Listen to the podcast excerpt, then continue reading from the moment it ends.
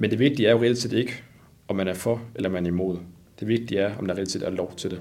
Har politiet, som har til opgave at opretholde lov og orden, selv hjemmel i loven, når politielever træner udrykningskørsel i den offentlige trafik? Ja, det er et simpelt spørgsmål, som til sydlandene kan være svært at få et klart svar på.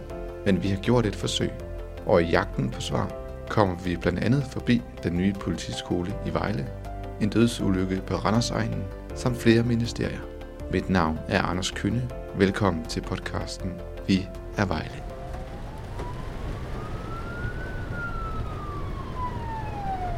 Vi begynder historien i Randers. Det er en fredag eftermiddag i september 2018, og regnen stiger ned. En ung politielev træner udrykningskørsel på motorvejen med en 35-årig politiassistent på passagersædet. Både lys, horn og blink er aktiveret på politibilen, mens hastigheden er et godt stykke over 150 km i timen i myldretidstrafikken ved Randers. Øh, Niklas, kan du ikke starte lige med at præsentere dig selv og fortælle lidt om, hvorfor det er relevant at tale med dig om den her sag? Jo, jeg hedder Niklas Hansbjerg Nielsen. Jeg er 27 år og journalist her på Vejle Amts Folkeblad. Og jeg har skrevet den her historie om, hvorvidt politiets udrykningskørsel i forbindelse med træning og uddannelse, det reelt set er lovligt. Og det er jo øh, langt fra den første artikel, du, du skriver om, om emnet, øh, det her med politiskolens udrykningskørsel. Hvordan, øh, hvordan starter det? Jamen, politiskolen blev officielt indvidet i Vejle 13. september, øh, og det var egentlig en kollega, der var nede og dække det i første omgang. Og jeg beskæftigede mig så først med, øh, med politiskolen her fire dage senere, efter vi havde fået øh, nogle læsebreve fra nogle øh, beboere i Vejleområdet, der var ligesom var, var lidt træt af den her udrykningskørsel, fordi det havde medført en, en del mere larm, og der var en kvinde, der skrev, at man som beboer på Vindingvej med børn i skole og dagpleje fik et sug gennem maven hver gang, at der kom den her udrykning, som ligesom var kommet langt hyppigere efter, at politiskolen var kommet til Vejle. Og den her sag om politiskolens udrykningskørsel skaber jo meget debat på, på særligt Facebook. Hvad er det, folk de skriver? Hvis jeg lige skal finde en af kommentarerne frem til, til det her, så er der en, der skriver, hvordan skal de nogensinde lære at køre udrykningskørsel, hvis de ikke må træne det i den virkelige verden? Vi ønsker vel alle, at politiet kommer hurtigt og sikkert frem. Det kan altså ikke øves på en lukket bane. Og så er der modsat en, der ligesom er i den, i den anden boldgade, der skriver, Resultatet bliver, at de risikerer ikke at blive taget seriøst, når det virkelig gælder.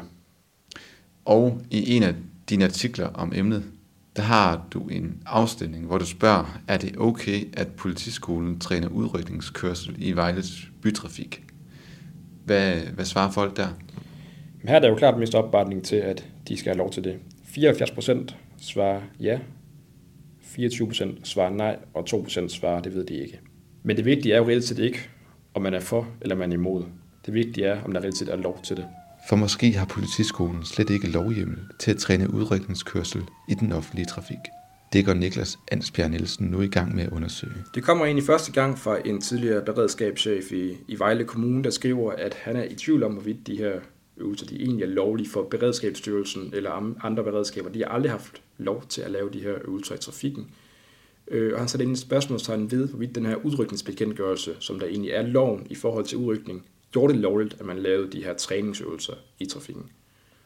Øh, der, derefter forholdt øh, lederen af politiskolen i forhold til de her kommentarer fra, fra den tidligere beredskabschef, så sagde han, at det har jo indtil været lovligt, siden der kom et cirkulær her i sommer. Og det fik så mig til at undre mig, fordi de her træningsøvelser, det har været en del af politiets uddannelse gennem flere årtier. Så hvis det først var tilladt fra i sommer, hvad så med tidligere? Det undrer du dig jo over, og, og hvad gør du så herfra? Jeg begynder at kigge lidt på, på nettet omkring øh, den her udrykningsbekendtgørelse, som trådte i kraft i, i 2009. Og der står i første kapitel, som der går under betingelserne for at foretage udrykningskørsel. Der står således, udrykningskørsel må kun foretages, når det skønnes nødvendigt af hensyn til politimæssige opgaver, personredning, brand, forureningsuheld, færdselsuheld eller afværelse af omfattende skader i øvrigt. Så spørgsmålet er jo reelt set om, hvorvidt de her træningsøvelser, de dækker ind under de her øh, behov, kan man sige, betingelser. Og i forbindelse med den research, jeg laver, der kommer jeg frem til et høringsnotat fra i år, hvor at Politiforbundet, der ligesom er fagforeningen for alle politifolk i, i Danmark, de ønskede at ændre den her udrykningsbekendtgørelse, så det står mere klart i den, at der var lovlighed til, at de her politielever under deres uddannelse kunne, kunne træne i, i trafikken. Så det vil altså sige, at de selv erkender, at der er et problem. Det virker sådan. Tilbage på motorvejen ved Randers. Her er politieleven fortsat i gang med at træne udrykningskørsel med den erfarne politiassistent ved sin side. Det regner stadig kraftigt. Og når der bliver accelereret op, giver det nogle gange et ryg for baghjulene. De vurderer dog begge, at de kan fortsætte øvelsen. Det var jo en øh, længere research, for jeg var først igennem Færdselsstyrelsen og Politiforbundet, og man kan sige, at nogle af de her de har været lidt bedre til at give mig svar, end andre har været. Øh, men pludselig kom jeg så igennem til Transportministeriet, hvor jeg stillede det her spørgsmål om, hvorvidt de vurderede, at udrykningsbekendtgørelsen var omfattet af de her træningsøvelser. Og der skrev de jo, det er Transportministeriets vurdering, at der ikke er hjemmel i udrykningsbekendtgørelsen til, at politiet eller andre beredskabsaktører kan foretage udrykningskørsel i uddannelses- og øvelsesøje med på offentlig vej. Vi kan dog oplyse, at der på nuværende tidspunkt pågår et samarbejde med Justitsministeriet, politiet og Færdselsstyrelsen om mulige løsninger på problemstillingerne i forhold til politiets og andre beredskabers behov for at kunne øve udrykningskørsel på en anden måde end den lovgivningen ligger op til i dag. Men bare 50 minutter senere, der fik jeg så endnu en mail fra Transportministeriet, hvor det blev forklaret, at der ville blive sendt en redigeret version af deres svar. Og i den nye version her, der tikkede ind et par timer senere, der var ordet udtrykkelig blevet tilføjet foran hjemmel. Altså, at der ikke er udtrykkelig hjemmel til udviklingskørslerne. Og samtidig oplyste ministeriet så, at der foreligger en byretsdom, hvor retten har vurderet, at de her øvelseskørsler faktisk er omfattet af bekendtgørelsen. Byretsdommen, som der henvises til, handler om denne sag for Randers. For desværre ender sagen tragisk. Politieleven mister herredømmet over bilen og kører galt. Den 35-årige politiassistent, der sidder ved siden af, bliver hårdt kvæstet og afgår senere ved døden. Et år senere er sagen for retten i Randers. Politieleven bliver frikendt for uaksom manddrab. Men i dommen kommer også noget andet relevant frem i forhold til debatten om politiskolens udrykningstræning. Jamen en af de ting, der ligesom står i, i domsafsigelsen, det er jo, at retten skal vurdere, hvorvidt der egentlig var øh, lov til, at de kunne lave de her øvelser, men det var ikke det, der var det, det afgørende for selve for retssagen. Her fremgår det jo, som Transportministeriet rigtig nok henviste til, at udrykningsøvelserne de var en del af den her udrykningsbindegørelse.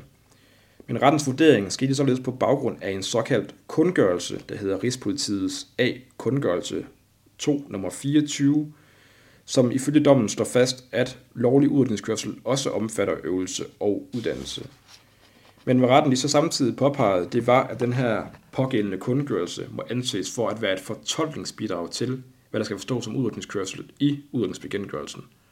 Øh, og retten på den baggrund vurderede, at øvelseskørsel kan være omfattet af udrykningsbekendtgørelsen. Så omsat fra jurasprog til, til hverdagssprog, hvad, hvad betyder det her? Jamen, de mener jo, at vedkommende har haft lov til at lave de her træningsøvelser i trafikken. Så ifølge den her såkaldte kundgørelse, som på et tidspunkt er tilføjet til udrykningsbekendtgørelsen, så kan det tolkes sådan, at politiskoleelever alligevel har lovhjemmel til at træne udrykningskørsel. Men det jeg så undrer mig over, det er, at hvis det kun skal være et fortolkningsbidrag til loven, og en lov, der ikke dækker over de her øvelser, hvordan kan man så fortolke det således? Så du hiver fat i Transportministeriet og Justitsministeriet. Hvad er det, du spørger dem om? For ligesom at summe det op, så det jeg egentlig gerne spørge om, det er, hvorvidt den her udviklingskørsel, den egentlig har været omfattet af loven. Er alt egentlig gået efter bogen, som der står i den her bekendtgørelse, eller ej? Og hvad svarer de så? Der er ikke rigtig noget klart svar i, i det her svar, jeg får for dem, men det, de ligesom lægger vægt på, det er, at der nu foregår et samarbejde om, at de gerne vil skabe klare rammer for den her udviklingskørsel. Så de erkender mellem linjerne, at, at det er lidt tvetydigt det her. Det kan man vist roligt sige. Men hvis den lov, som altså er en anelse tvetydig, skal ændres, ja, så kan det også få konsekvenser for andre beredskaber end politiet. Det er jo netop det, det gør. Som øh, ham den tidligere beredskabschef i Vejle Kommune jo tidligere har, har henvist til, så har det aldrig nogensinde været lovligt for andre beredskaber at lave de her udrykningsøvelser. Det har jo altid kun været politiet, der har lavet dem her i forbindelse med deres træningsøvelser.